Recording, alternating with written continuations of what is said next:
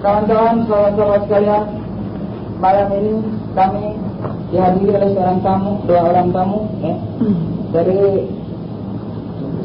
Universitas Imam Muhammad bin Saud. Beliau adalah staf, staf dari universitas. Sebelum mereka uh, memberikan fatwa pada kita, marilah kita ucapkan ahlan wa sahlan. Dan sebaik lebih baiknya maka kita awali dengan bacaan Al-Quran Al-Karim yang akan dibacakan oleh saudara Kiki Khairuddin. Ila hadrati falyatafadhal.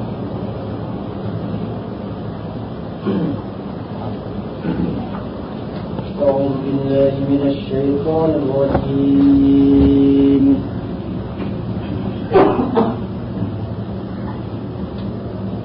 بسم الله الرحمن الرحيم.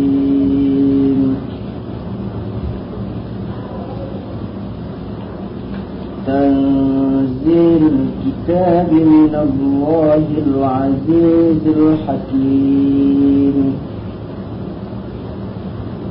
إنا أنزلنا إليك الكتاب بالحق فاعبد الله فاعبد الله مخلصا له الدين ألا لله الدين الخالص والذين اتخذوا من دونه أولياء ما نعبدهم إلا ليقربونا. ما نعبدهم إلا ليقربونا إلى الله زلفى. إن الله يحكم بينهم فيما هم فيه يختلفون إن الله لا يهدي من هو كاذب كفار. لو أراد الله أن يتخذ ولدا لاصطفى مما يخلق ما يشاء. سبحانه هو الله الواحد القهار. صدق الله العظيم شكرا على أخينا خير الدين الذي كفر المصحف بارك الله وجزاك الله خير والبرنامج الآن وهو آه، محاضرة دينية سوف يلقيها شيخ يوسف بن عبد الرحمن القاضي بسم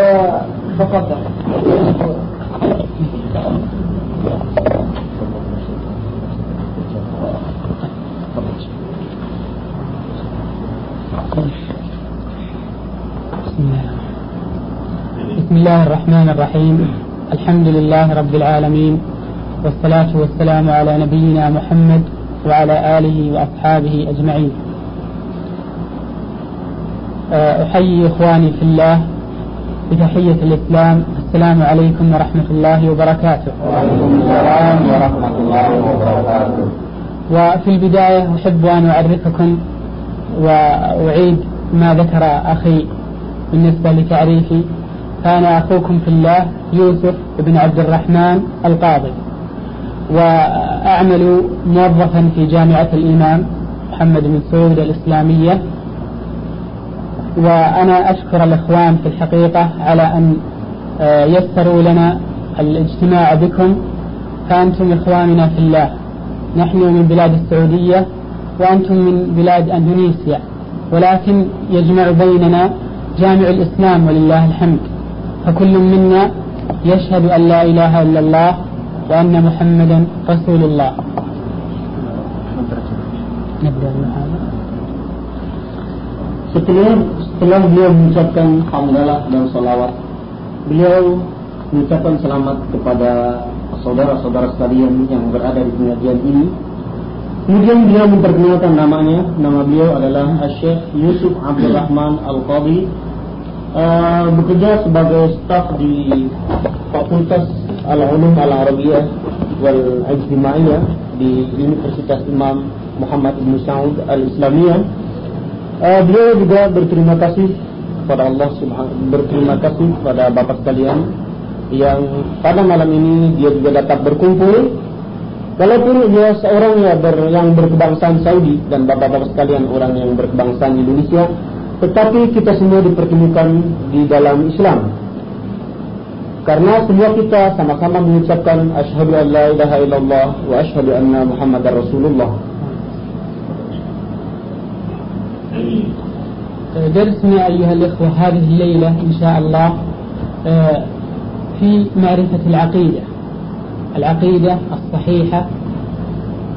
وفي المقدمة أحب أن أقدم لكم هذه المقدمة البسيطة وهي أن المتفكر في خلق السماوات والأرض والنجوم والشمس والقمر والجبال والأنهار لا يعلم يقينا أن لهذا الكون خالقا عظيما. لا بد أن لهذا الكون خالقا عظيما كبيرا هو الذي خلق هذه الموجودات وهو الذي قدرها وله في خلقها حكمة كبرى. فإنه لم يخلق عباده آه، عبثا ولم يتركهم هملا ولكنه خلقهم لحكمة عظيمة ألا وهي عبادته تبارك وتعالى قال الله عز وجل وما خلقت الجن والإنس إلا ليعبدون Materi pelajaran kita pada malam ini adalah mengenal akidah yang benar dalam Islam. Sebagai pembukaan, secara singkat beliau mengatakan bahawa seorang yang berpikir tentang maksud Allah Subhanahu wa taala berupa bintang-bintang, matahari, bulan, sungai-sungai, jika ia berpikir dengan sebenarnya, niscaya ia akan tahu dengan yakin bahwa di sana ada penciptanya. Sebagai pencipta alam raya ini dan juga memberikan takdir kepadanya, semua itu diciptakan karena satu hikmah yang besar. Semua itu tidaklah diciptakan karena sia-sia dan bukan untuk main-main belaka, tetapi semua itu diciptakan untuk satu hikmah yang sangat agung, yaitu agar manusia menyembah kepadanya sebagaimana yang diterjemahkan dari firman Allah Subhanahu wa taala wa ma khalaqtul jinna wal insa illa liya'budun yang artinya tidaklah aku ciptakan jin dan manusia kecuali untuk menyembah kepadaku تأكيدا لما سبق أيها الإخوة فإنني أقول إن كثيرا من الأشياء في حياتنا لا بد لها من حكمة. فمثلا نحن نلبس الحذاء من أجل أن يقينا حر الأرض ومن أجل أن يقينا من الشوك نلبس آه الغطاء على الرأس من أجل أن يقينا حر الشمس. نعم. نأكل ونشرب لماذا؟ من أجل أن نتغذى ونكون أقوياء. أيضا في المقابل فإننا نقول إن هذا الكون العظيم الكبير السماوات والأرض والنجوم والإنس والجن خلقهم الله تبارك وتعالى لحكمة. وهذه الحكمة كما قلت قبل قليل هي عبادة الله عز وجل عبادته وحده. والمصدر الوحيد الذي آه، نعرف من خلاله العقيدة الصحيحة هو الكتاب والسنة. كتاب الله تبارك وتعالى وهو القرآن وسنة رسول الله صلى الله عليه وسلم. وما عدا ذلك فإننا نرفضه. العقيدة الصحيحة إذن علينا أن نأخذها من كتاب الله ومن سنة رسول الله صلى الله عليه وسلم. Sebagai penguat dari yang telah lalu yang beliau katakan, ia mengatakan bahwasanya setiap sesuatu di alam raya ini mempunyai hikmah. Sepatu misalnya yang kita pakai adalah sebagai penjaga panas manakala kita menapaki bumi. Atau juga kita untuk menjaga kaki kita dari duri-duri. Kemudian tutup kepala yang kita pakai itu pun untuk menjaga sinar matahari yang uh, begitu panas pada siang hari. Manusia yang makan dan minum juga bertujuan agar tubuhnya itu kuat. Selain itu dia mengatakan begitu pula diciptakannya langit dan bumi. Semua ini bukanlah sia-sia belaka, tetapi semua itu ada hikmahnya. Hikmahnya adalah agar manusia yang berpikir mau menyembah Allah Subhanahu wa taala semata-mata. Adapun sumber untuk mengetahui penyembahan kepada Allah Subhanahu wa taala itu adalah Alkitab dan As-Sunnah. Jika pengambilan akidah di luar Alkitab dan As-Sunnah, maka itu ditolak dan tidak layak bagi seorang yang mengaku beragama Islam atau seorang mukmin. السؤال الذي نطرحه الآن ما هو الإيمان كلنا الآن يا إخوة نقول إننا مؤمنون أليس كذلك كلنا ولله الحمد نؤمن ونحن مؤمنون ولكن ما هو الإيمان؟ الإيمان أيها الإخوة قال النبي صلى الله عليه وسلم الإيمان أن تؤمن بالله وملائكته وكتبه ورسله واليوم الآخر وتؤمن بالقدر خيره وشره. هذه هي أصول الإيمان. ستة أصول الإيمان إذن ستة أشياء الإيمان بالله الإيمان بالملائكة الإيمان بالكتب الإيمان بالرسل الإيمان باليوم الآخر الإيمان بالقدر خيره وشره Beliau di sini akan menanyakan apakah yang dimaksud dengan iman. Lalu yang menjelaskan, kita yang senantiasa mengatakan bahwa kita ini adalah orang-orang yang beriman. Iman menurut pengertiannya dalam Islam sebagaimana yang disabdakan oleh Nabi Muhammad SAW yaitu pertama hendaklah beriman kepada Allah Subhanahu wa taala, yang kedua kepada malaikat-malaikatnya, yang ketiga kepada kitab-kitabnya, yang keempat kepada rasul-rasulnya, yang kelima kepada hari akhir, yang keenam kepada qadar baik ataupun buruk. Semua ini disebut adalah dasar-dasar iman. أولا الإيمان بالله. الإيمان بالله سبحانه وتعالى.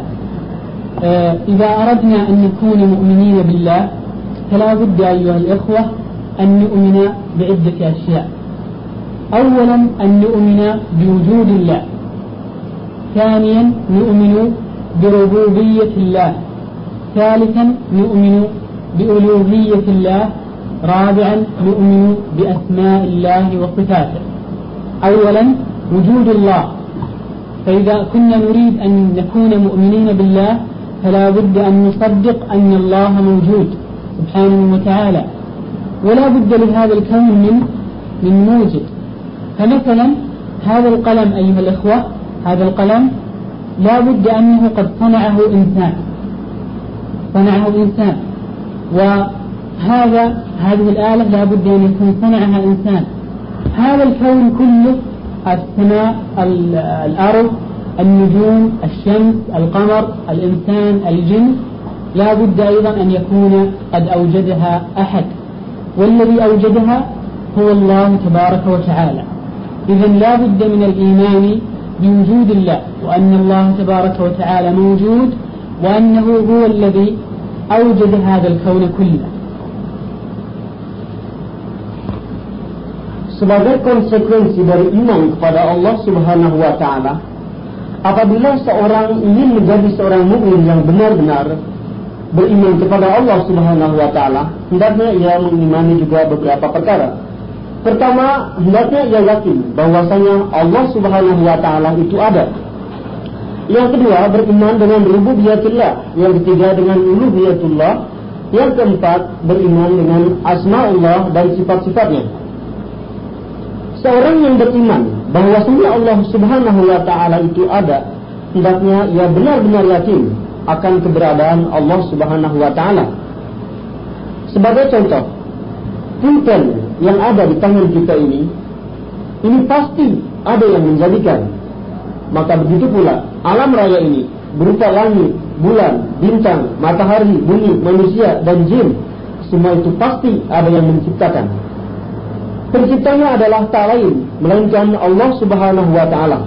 Maka apabila kita berkeyakinan bahwasanya segala sesuatu itu ada, maka kita pun yakin bahwasanya keberadaan kita ini pasti ada yang mengadakan dan yang mengadakan itu tak lain adalah Allah Subhanahu wa taala. Ini berarti iman kepada wujudullah Subhanahu wa taala. والشيء الثاني هو الإيمان بربوبية الله سبحانه وتعالى. ومعنى هذا يا إخواني آه، أن نؤمن أن الله هو الرب أن الله هو الرب الواحد. ومعنى الرب؟ ما معنى الرب؟ يعني الخالق المالك المتصرف. الخالق المالك المتصرف. فالذي ينزل المطر هو الله عز وجل. الذي يخلق الإنسان في بطن أمه هو الله عز وجل. الذي آه، يرزقنا المال هو الله عز وجل. الذي يشفينا من الأمراض هو الله عز وجل. الذي يملكنا كلنا الكبير والصغير والملك والمملوك الذي يملك الجميع هو الله عز وجل. هذا هو معنى ربوبية الله عز وجل. وبالنسبة آه، للألوهية ألوهية الله عز وجل معناها أن الله تبارك وتعالى هو الإله الواحد هو الإله الواحد. يعني أننا لا نعتقد وجود أحد معبود إلا الله عز وجل. فكل إله يدعي الناس أنه يعبد من دونه فإنه إله باطل. فلا ندعو ولا نعبد إلا الله تبارك وتعالى. ولهذا فنحن المسلمون نقول لا إله إلا الله. معنى لا إله إلا الله يعني لا معبود إلا الله. فالشمس ليست إله القمر ليس إله الحجر ليس إله. المسيح عيسى عليه السلام ليس إله. محمد صلى الله عليه وسلم ليس إله. إذا من هو الإله؟ الإله هو الله تبارك وتعالى وحده هو الذي نعبده ونطيعه ونصلي له ونجاهد في سبيله هذا هو معنى توحيد الألوهية ألوهية الله تبارك وتعالى. Adapun yang dimaksud dengan beriman kepada rububiyatullah yaitu beriman bahwasanya Tuhan kita adalah Allah Subhanahu wa taala dan berkeyakinan bahwa dialah yang menciptakan, dialah yang memiliki kita semua dan dia pula yang mengatur kita semua. Beriman dengan rububiyatullah itu juga berarti berkeyakinan bahwa Allah lah yang menurunkan hujan. Allah pula lah yang menciptakan manusia sejak dari perut ibunya. Allah pula lah yang memberikan rezeki kepada hamba-hambanya dan Allah pula lah yang menyembuhkan orang dari sakitnya. Dengan demikian kita yakin bahwasanya pencipta yang memiliki kita dan juga yang dimiliki kita semuanya adalah milik Allah Subhanahu wa taala. Itulah yang dimaksud dengan percaya kepada rububiyatullah taala. Sedangkan yang dimaksud dengan beriman kepada uluhiyatullah yaitu percaya bahwasanya Allah Subhanahu wa taala itulah satu-satunya yang kita beriktikad akan keberadaannya dan juga kita berkeyakinan bahwasanya tidak ada selain Allah yang wajib kita sembah. Semua yang diakui sebagai Tuhan oleh manusia adalah batil apabila yang diakui itu selain Allah. Kita tidak berdoa selain kepada Allah, kita tidak menyembah selain kepada Allah. Makanya kita sering berkata la ilaha illallah yang artinya tidak ada yang wajib disembah kecuali Allah Subhanahu wa taala. Dengan demikian kita akan berkeyakinan dan kita benar-benar yakin bahwasanya matahari itu bukanlah Tuhan, bulan juga bukannya Tuhan, batu bukannya Tuhan, juga Yesus atau Nabi Isa bukan Tuhan, begitu juga Nabi Muhammad bukan Tuhan. Maka dengan demikian kita tahu bahwasanya Tuhan adalah hanya satu, yaitu Allah Subhanahu wa taala Tuhan yang selalu kita sembah Tuhan yang selalu kita patuhi dan kita berjihad karenanya. Inilah yang dimaksud dengan makna tauhid al-uluhiyah.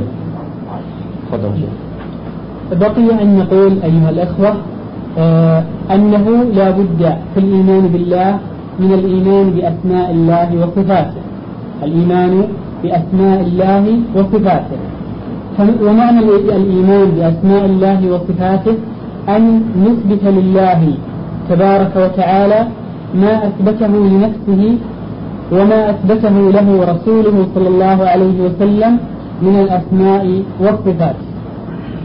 معنى الإيمان بأسماء الله وصفاته أن نثبت لله من الأسماء والصفات ما أثبته له رسوله صلى الله عليه وسلم.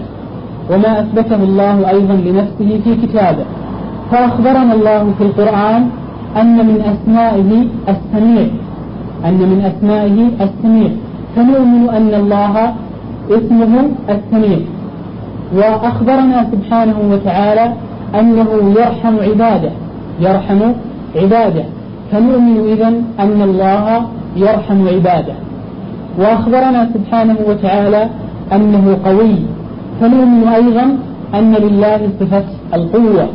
وأنه قوي وجبار سبحانه وتعالى.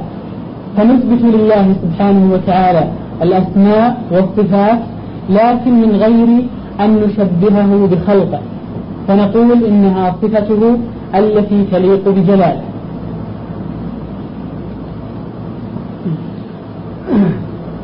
Berikutnya sebagai konsekuensi dari beriman terhadap keberadaan Allah Subhanahu wa taala yaitu percaya kepada nama-nama Allah dan sifat-sifatnya. Percaya kepada nama-nama Allah dan sifat-sifatnya yaitu dengan jalan menetapkan apa yang sudah Allah tetapkan pada dirinya dan juga apa yang sudah Nabi Muhammad sallallahu alaihi wasallam terhadap nama-nama Allah Subhanahu wa taala itu dan juga sifat-sifatnya. Misalnya saja Allah menghabarkan kepada kita dalam Al-Qur'an bahwa Dia salah satunya mempunyai nama As-Sami'. As-Sami' yang artinya Maha mendengar. Dengan demikian kita hendaknya beretikad bahwasanya Allah itu Maha mendengar. Sebagai contoh kedua, Allah itu juga mempunyai sifat Maha Pengasih dan Penyayang atau Ar-Rahim dengan demikian kita tahu bahwasanya Allah menamakan dirinya Ar-Rahim. Itu berarti ia sangat mengasihi hambanya. Dengan demikian kita pun hendaknya beriman dan beretikat bahwasanya Allah itu maha kasih dan sayang kepada hamba-hambanya. Sebagai sifat berikutnya dan juga namanya yaitu Al-Qawi, artinya Allah itu maha kuat. Ini berarti bahwasanya Allah Subhanahu wa taala itu mempunyai sifat kuat dan juga sifat berikutnya atau nama juga yang berikutnya adalah Al-Jabbar yang artinya Allah itu maha perkasa. Apa yang disebutkan tadi hanya sebagai contoh. Di sana banyak asma yang lain, juga sifat-sifatnya yang lain.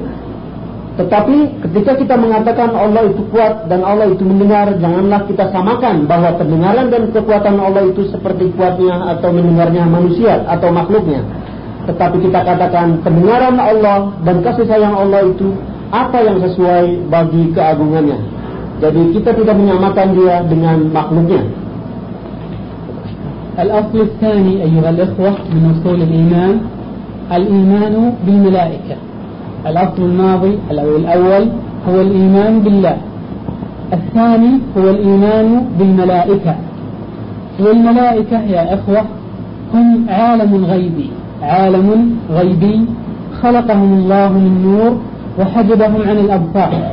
عالم غيبي. خلقهم الله من نور وحجبهم عن الأبصار. والإيمان بالملائكة لا يتم إلا بالأمور التالية. الإيمان بالملائكة لا يتم إلا بالأمور التالية. أولا الإيمان بوجودهم. الإيمان بوجودهم. وإن كنا لا نراهم الشيء الثاني الإيمان بأنهم عباد لله. ليسوا آلهة من دون الله.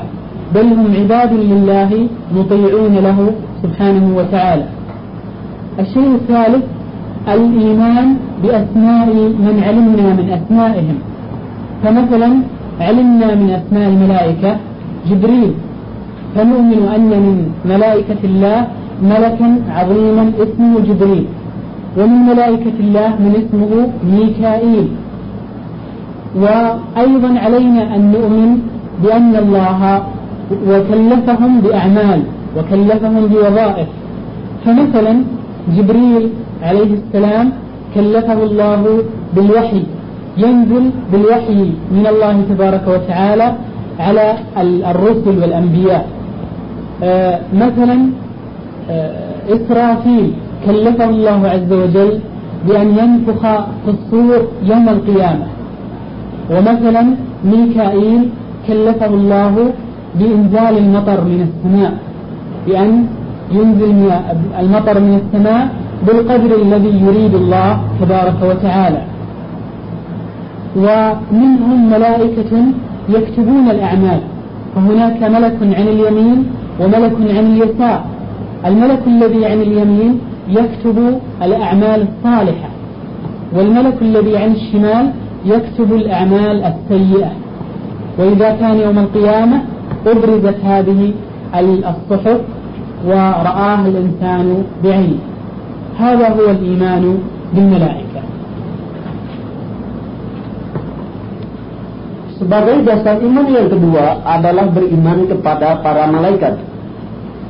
Malaikat berada di alam gaib, maka kita tidak dapat melihatnya. Tidaklah sempurna beriman kepada malaikat itu kecuali dengan mengimani beberapa hal di bawah ini.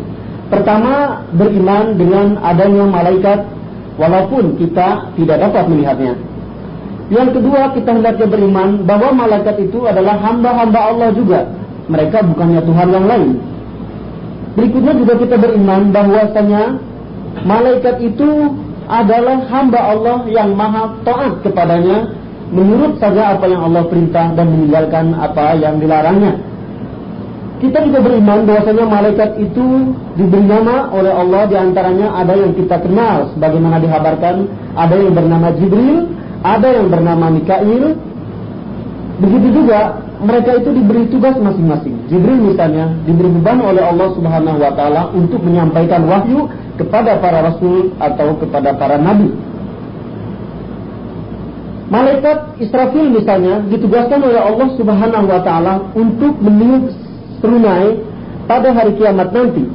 Malaikat Mikail mendapat tugas untuk menurunkan hujan dari langit berdasarkan kadar yang telah diatur oleh Allah Subhanahu wa taala. Di antara malaikat juga ada yang tugasnya mencatat amal baik atau buruk manusia. Yang berada di kanan adalah malaikat atau para malaikat pencatat amal kebajikan. Sedangkan malaikat yang berada di kiri adalah malaikat pencatat kejahatan. Pada hari kiamat nanti kita semua akan diperlihatkan oleh Allah Subhanahu wa taala perbuatan kita semua itu. Apakah itu perbuatan baik ataukah perbuatan buruk? Kita akan melihatnya nanti dengan pasti manakala kita berada di alam akhirat nanti. تفضل آه الأصل الثالث هو الإيمان بالكتب سبق أن قلنا الإيمان بالله ثم الإيمان بالملائكة الثالث هو الإيمان بالكتب الإيمان بالكتب ويتضمن الإيمان بالكتب عدة أمور. أولا تصديق كونها من عند الله. تصديق كونها من عند الله تبارك وتعالى. بمعنى أن الله هو الذي تكلم بها وهو الذي أنزلها على آه، رسله وأنبيائه ثانيا تصديقها فيما أخبرت به. تصديق هذه الكتب فيما أخبرت به من الأخبار. فكل ما جاء في القرآن الكريم أو ما جاء في التوراة الصحيحة أو ما جاء في الإنجيل فهذا كله نصدقه. نصدقه مع ملاحظة أن التوراة والإنجيل قد وقع فيها شيء من التحريف ولهذا فإننا نتوقف في تصديق كل ما ورد فيها. المهم أننا نصدق بما أخبرت به الكتب السماوية من الله عز وجل. الشيء الثالث أن نؤمن أن نؤمن بأسماء ما علمنا اسمه من هذه الكتب. فمثلا التوراة. هذا هو الكتاب الذي أنزله الله على نبيه موسى صلى الله عليه وسلم. آه الإنجيل هو الكتاب الذي أنزله الله على نبيه عيسى صلى الله عليه وسلم. آه الزبور الزبور هو الكتاب الذي أنزله الله على نبيه داود عليه الصلاة والسلام. وأخيرا القرآن لأن الكتب السابقة صحيحة وأنها من عند الله تبارك وتعالى. ولهذا قال الله عز وجل وأنزلنا إليك الكتاب بالحق مصدقا لما بين يديه من الكتاب ومهيمنا عليه. وأنزلنا إليك الكتاب بالحق مصدقا لما بين يديه من الكتاب ومهيمنا عليه. فهذا هو الإيمان بالكتب Sebagai dasar yang ketiga dari iman adalah percaya kepada kitab-kitab Allah Subhanahu wa taala. Percaya kepada kitab-kitabnya ini mengandung beberapa pokok perkara penting. Pertama yaitu membenarkan atas kejadian kitab-kitab tersebut dan bahwasanya itu semua dari Allah Subhanahu wa taala. Kita yakin bahwasanya itu diturunkan oleh Allah Subhanahu wa taala kepada para rasul. Yang kedua, membenarkan dan beritikad bahwasanya apa yang dikabarkan oleh kitab-kitab tersebut berupa berita-berita adalah benar dan juga apa saja yang diberitakan oleh Al-Quran dan oleh At-Taurat, oleh Al-Injil semua itu adalah benar-benar harus kita yakini.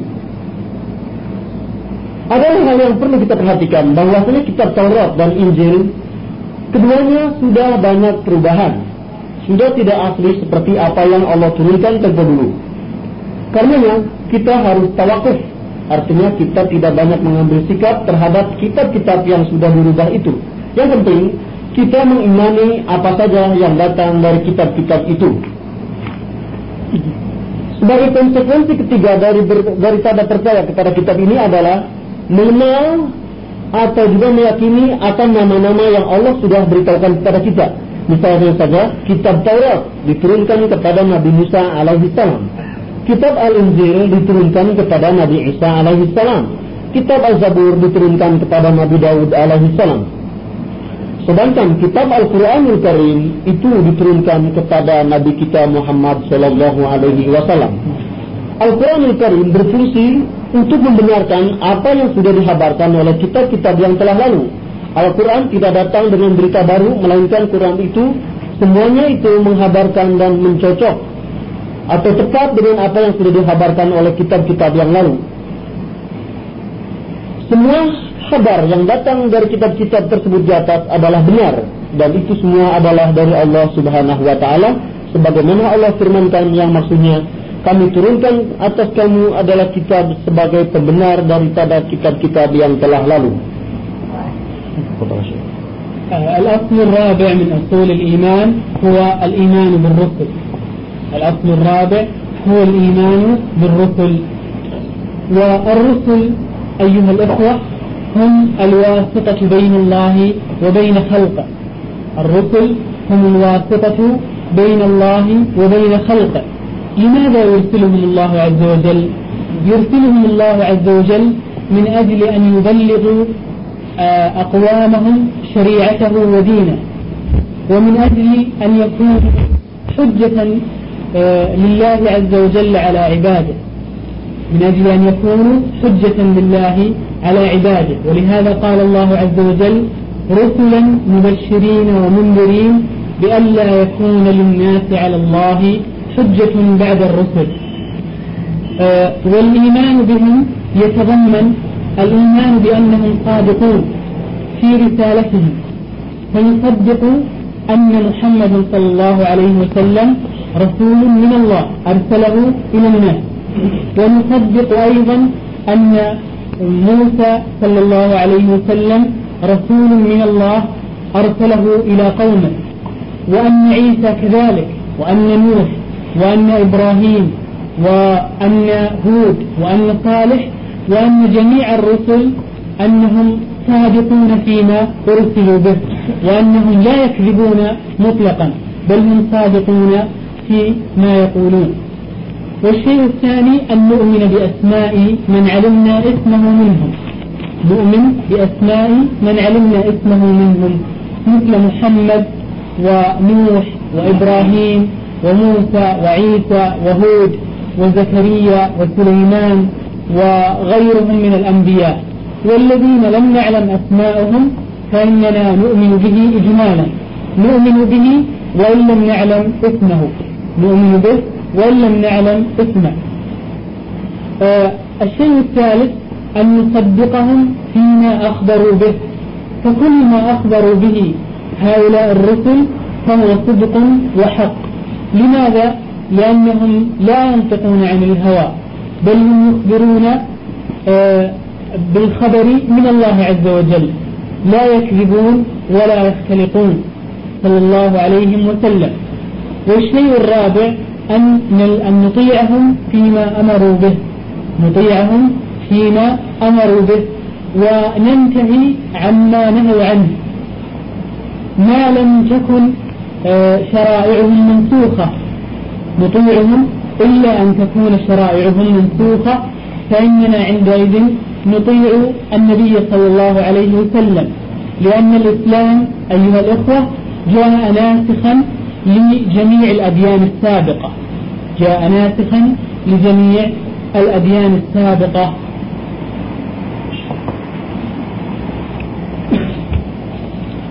Sebagai iman yang keempat adalah percaya kepada para rasul. Rasul atau rusul sebagai zamannya adalah sebagai penengah antara Allah Subhanahu wa taala dan hambanya. Allah mengutus mereka untuk menyampaikan syariat-syariatnya dan ajaran-ajaran agamanya dan juga sebagaimana difirmankan oleh Allah Subhanahu wa taala sebagai dalil atas hamba-hambanya. Beriman kepada para rasul berarti kita berkeyakinan bahwasanya mereka adalah senantiasa benar dalam segala misinya. Maka kita membenarkan rasul-rasul Allah Subhanahu wa taala seperti Nabi Musa adalah Rasulullah sallallahu alaihi wasallam yang diutus kepada kaumnya. Begitu juga Nabi Isa, Nabi Nuh, Nabi Ibrahim, Nabi Hud, Nabi Saleh, semua itu adalah benar dan semuanya itu diutus kepada para kaumnya. Mereka semua sekali-kali tidak akan berdusta. Mereka semua adalah benar.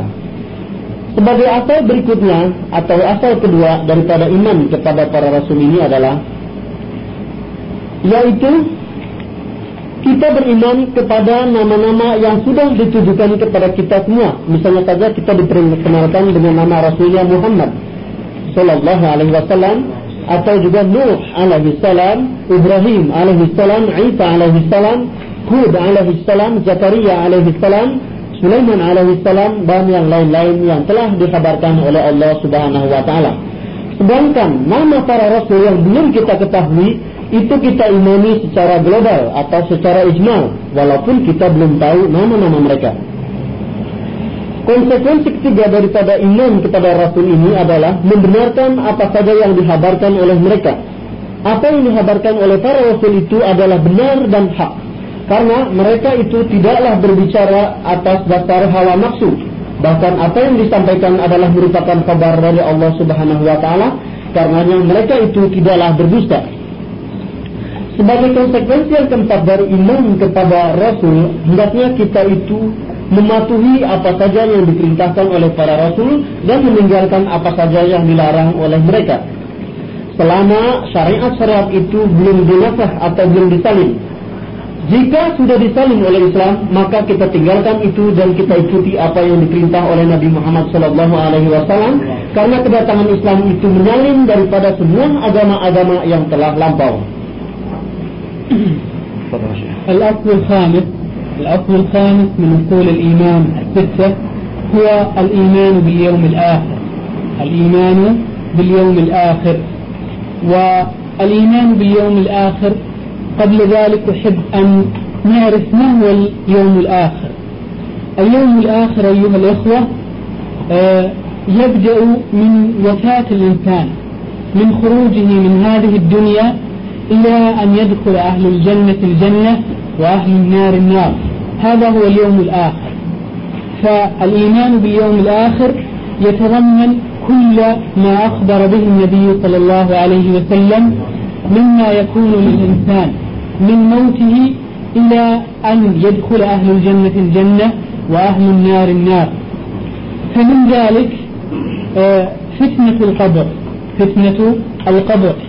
ومعنى فتنة القبر أيها الإخوة معناه السؤال وهو أن الميت إذا وضع في قبره فإنه يأتيه ملكان يأتيه ملكان فيسألان يجلسانه يجلسانه ويسألانه يقولان له من ربك؟ ويقولان له ما دينك؟ ويقولان له من نبيك؟ فأما المؤمن بالله عز وجل فإنه إذا قيل له من ربك فإنه يقول ربي الله. وإذا قيل له ما دينك قال ديني الإسلام. وإذا قيل له من نبيك قال نبي محمد صلى الله عليه وسلم. وأما الكافر نسأل الله العافية فإنه إذا سئل في قبره والمنافق والفاجر إذا سئل في قبره قيل له من ربك يقول ها ها لا أدري. فيقال له ما دينك؟ فيقول ها ها لا أدري. فإذا قيل له من نبيك? فيقول ها ها لا أدري.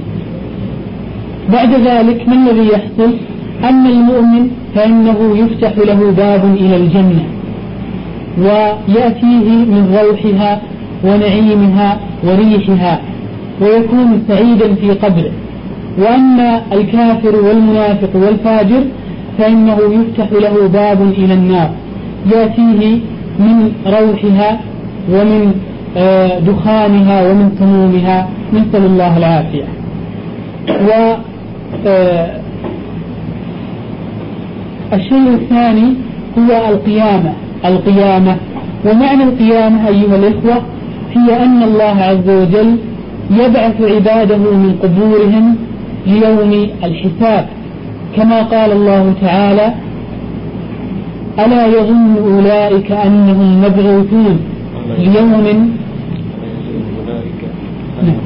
ألا يظن أولئك أنهم مبعوثون؟ ليوم عظيم يوم يقوم الناس لرب العالمين ألا يظن أولئك أنهم مبعوثون؟ ليوم عظيم يوم يقوم الناس لرب العالمين. وفي هذا اليوم أيها الأخوة يحاسب الله الخلائق. كل الخلائق يحاسبهم.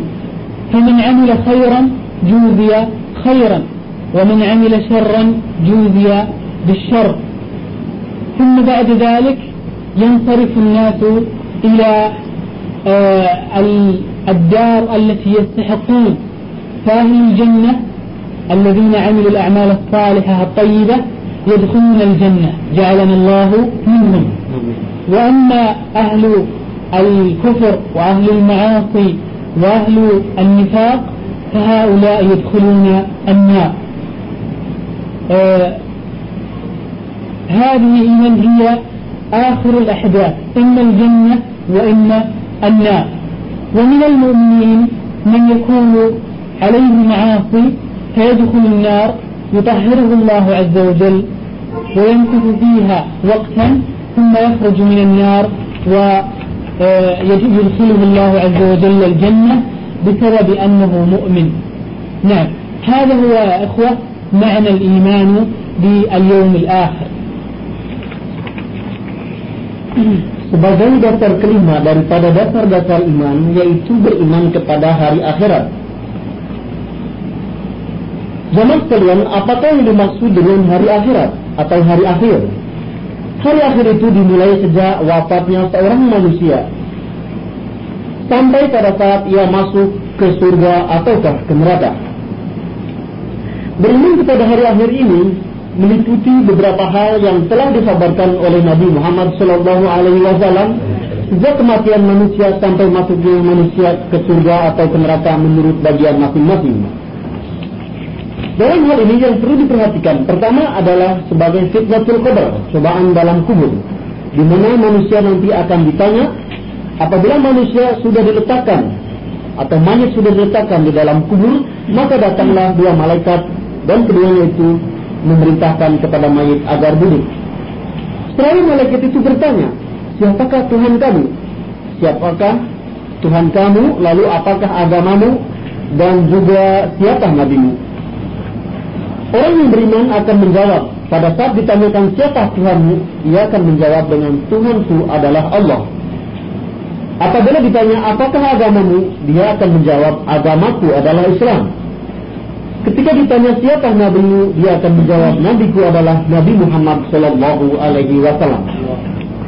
Adapun orang kafir, ketika diajukan pertanyaan atau juga orang munafik atau orang yang banyak maksiat, ketika ditanya siapakah Tuhan kamu, dia akan menjawab, ha ha, saya tidak tahu. Apakah agamamu? Dia akan juga menjawab dengan ha ha, saya tidak tahu. Ketika juga ditanya siapakah nabimu, dia akan menjawab juga ha ha, saya tidak tahu. Orang yang beriman setelah diperhitungkan atau dihisab maka dibukakanlah pintu surga buatnya dan dia akan merasakan kenikmatan surga itu. Dia akan menjadi orang yang berbahagia di alam kubur tersebut.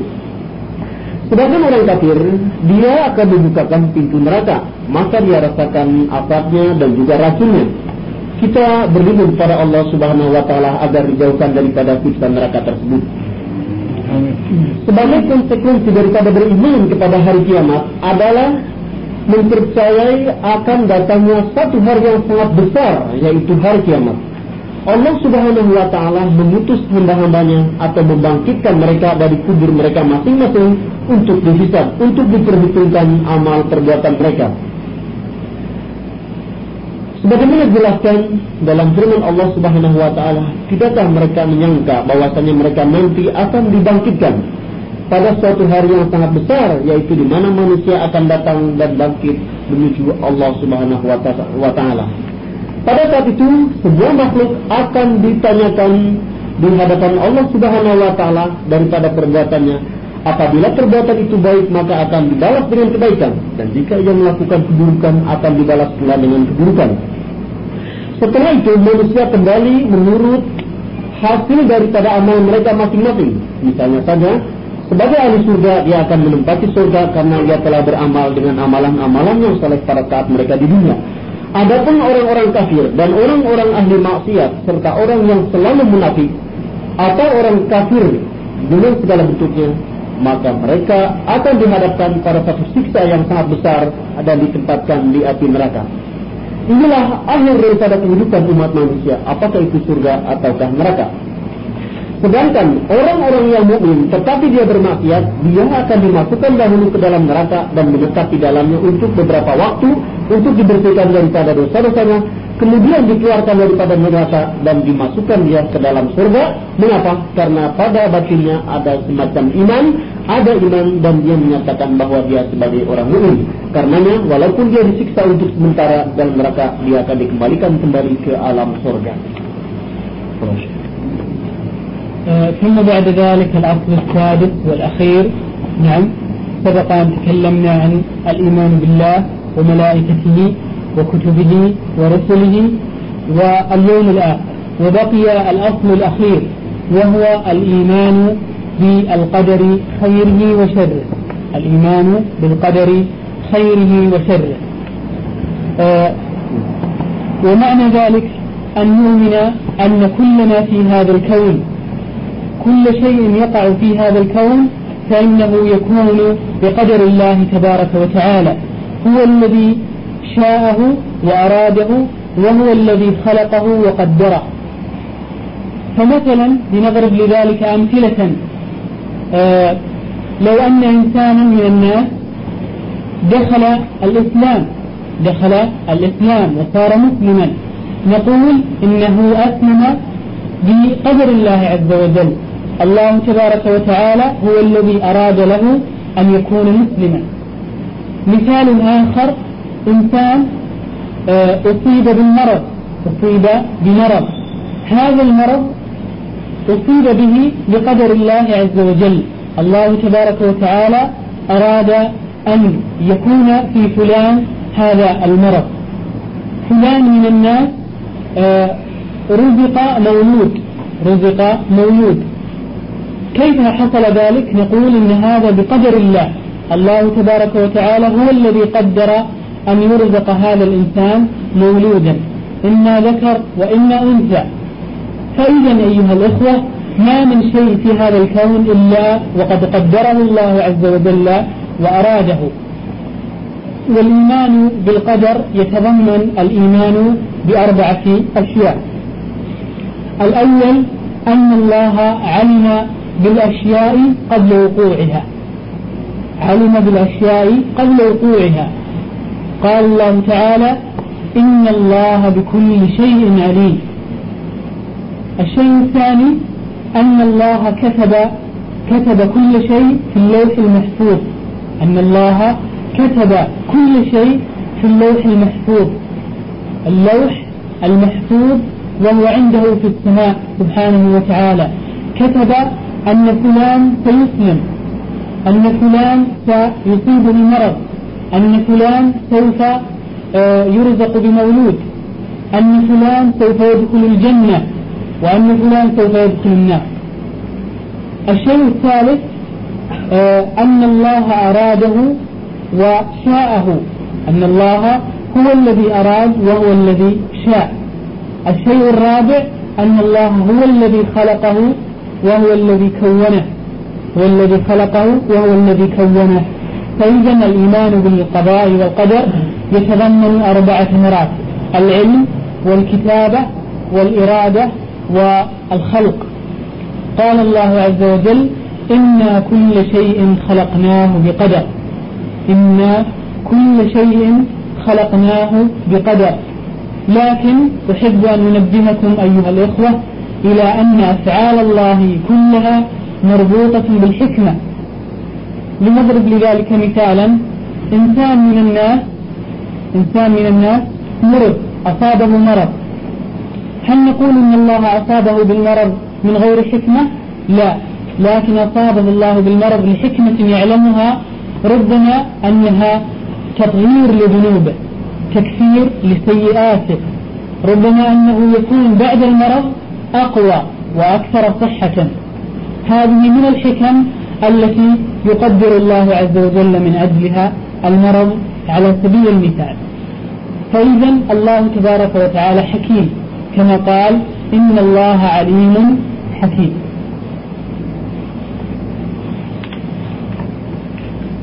Sebagai dasar keenam daripada rukun iman yaitu beriman kepada qadar baik dan buruk. Ini berarti bahwasanya seorang mukmin hendaknya ia beriman terhadap semua apa yang ada di dalam alam ini dan itu merupakan takdir Allah Subhanahu wa taala. Dialah yang menghendaki dan ia pula yang menjadikannya. Sebagai contoh, manusia yang masuk Islam dan ia menjadi seorang muslim.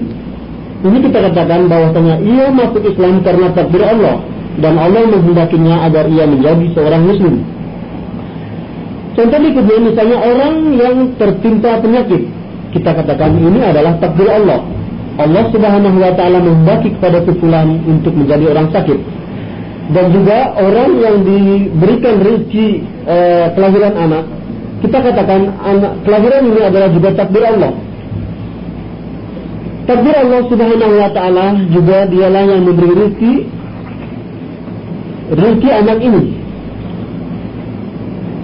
Allah Subhanahu wa taala menakdirkan kepada orang ini agar ia punya anak laki-laki atau perempuan.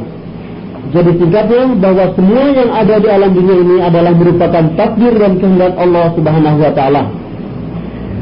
Beriman kepada qadar mengandung konsekuensi sebagai berikut. Pertama, hendaknya kita yakin bahwasanya Allah Subhanahu wa taala itu mengetahui segala sesuatu sebelum terjadi. Bagaimana Allah firmankan bahwasanya Allah Subhanahu wa taala itu mengetahui segala sesuatu. Dan kita juga yakin bahwasanya Allah itulah yang menuliskan segala sesuatu di Lauhil Mahfuz, yaitu yang ada di langit. Yang kedua, hendaknya kita juga yakin bahwasanya orang yang masuk Islam dan orang yang diberi kelahiran anak atau masuk surganya seseorang, masuk neraka seseorang ini adalah takdir Allah Subhanahu wa taala. Yang berikutnya, hendaknya juga kita beriman bahwa segala sesuatu itu adalah kehendak Allah. Dan yang keempat atau yang terakhir itu dikatakan bahwasanya segala sesuatu itu adalah ciptaan Allah Subhanahu wa taala sebagaimana Allah firmankan yang artinya setiap sesuatu itu kami ciptakannya dengan kadar. Saudara sekalian di sini perlu saya ingatkan bahwasanya apa saja yang Allah ciptakan itu ada hikmahnya. Misalnya saja orang yang sakit. Apakah sakitnya ini tidak mengandung hikmah? Tidak demikian. Orang yang diberi sakit terkadang banyak mengandung hikmah. Misalnya saja untuk mensucikan dirinya dari segala dosa atau juga sakitnya itu adalah sebagai penyebab untuk dihapuskannya segala kesalahan. Atau juga setelah orang itu sakit, Allah akan memberikannya badan yang lebih kuat.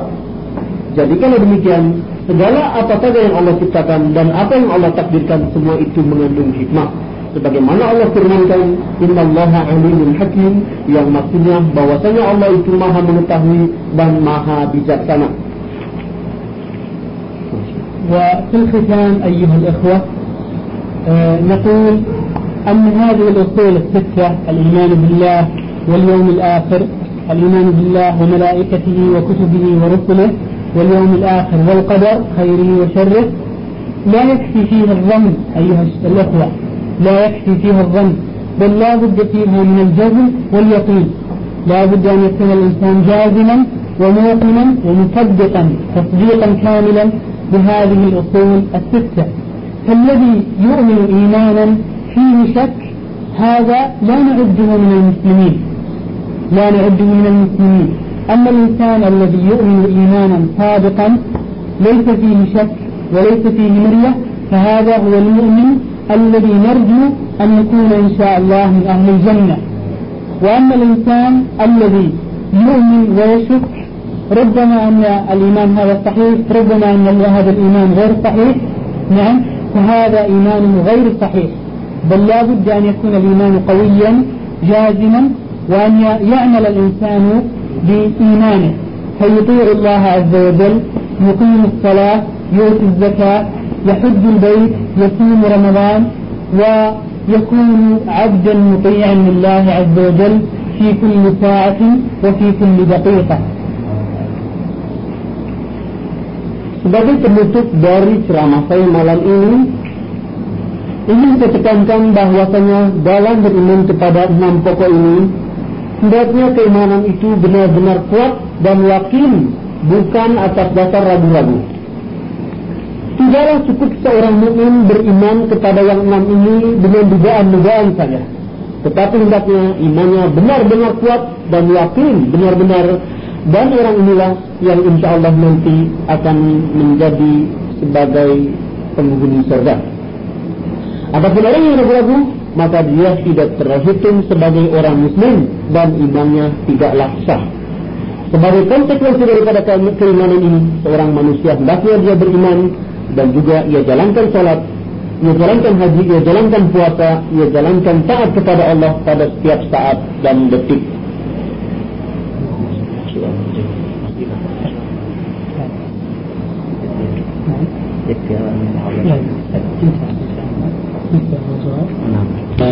Pengajian telah selesai yang berbentuk ceramah. Pada bapak-bapak dipersilakan untuk bertanya khususnya yang ada hubungannya dengan masalah akidah. Gitu kan? E, kita karena beliau mungkin e, spesialisnya adalah akidah akan lebih mantap kalau kita tanyakan masalah akidah begitu. Insya Allah kita panggil orang yang spesialis e, ilmu lain kita bisa tanyakan lagi ilmu lain Ah, untuk mengaturnya, tadi mohon moderator saudara Ahmad Badari supaya banyak yang bertanya. Nanti saya terjemahkan ke dalam bahasa Arab, insya Allah terjemahan ke dalam bahasa Indonesia oleh uh, Al-Akh Sulfan. silakan. وقال أننا لابد أن نؤمن بجميع الرسل وثم عندما نتكلم في الأصل الخامس الإيمان بيوم القيامة. نعم. هناك سؤال من نبيك فنحن الذي نعيش في زمن النبي محمد صلى الله عليه وسلم نقول نبينا محمد. فكيف أناس الذين نبيهم غير محمد يعني قبل محمد صلى الله عليه وسلم هل هم يقولون كذلك نبينا محمد أو هناك جواب آخر؟ آه، بالنسبة لأمة محمد صلى الله عليه وسلم إذا سئلوا من نبيك فإنهم يقولون محمد صلى الله عليه وسلم. وأما من سبق نعم فإنهم يخبرون بأنبيائهم.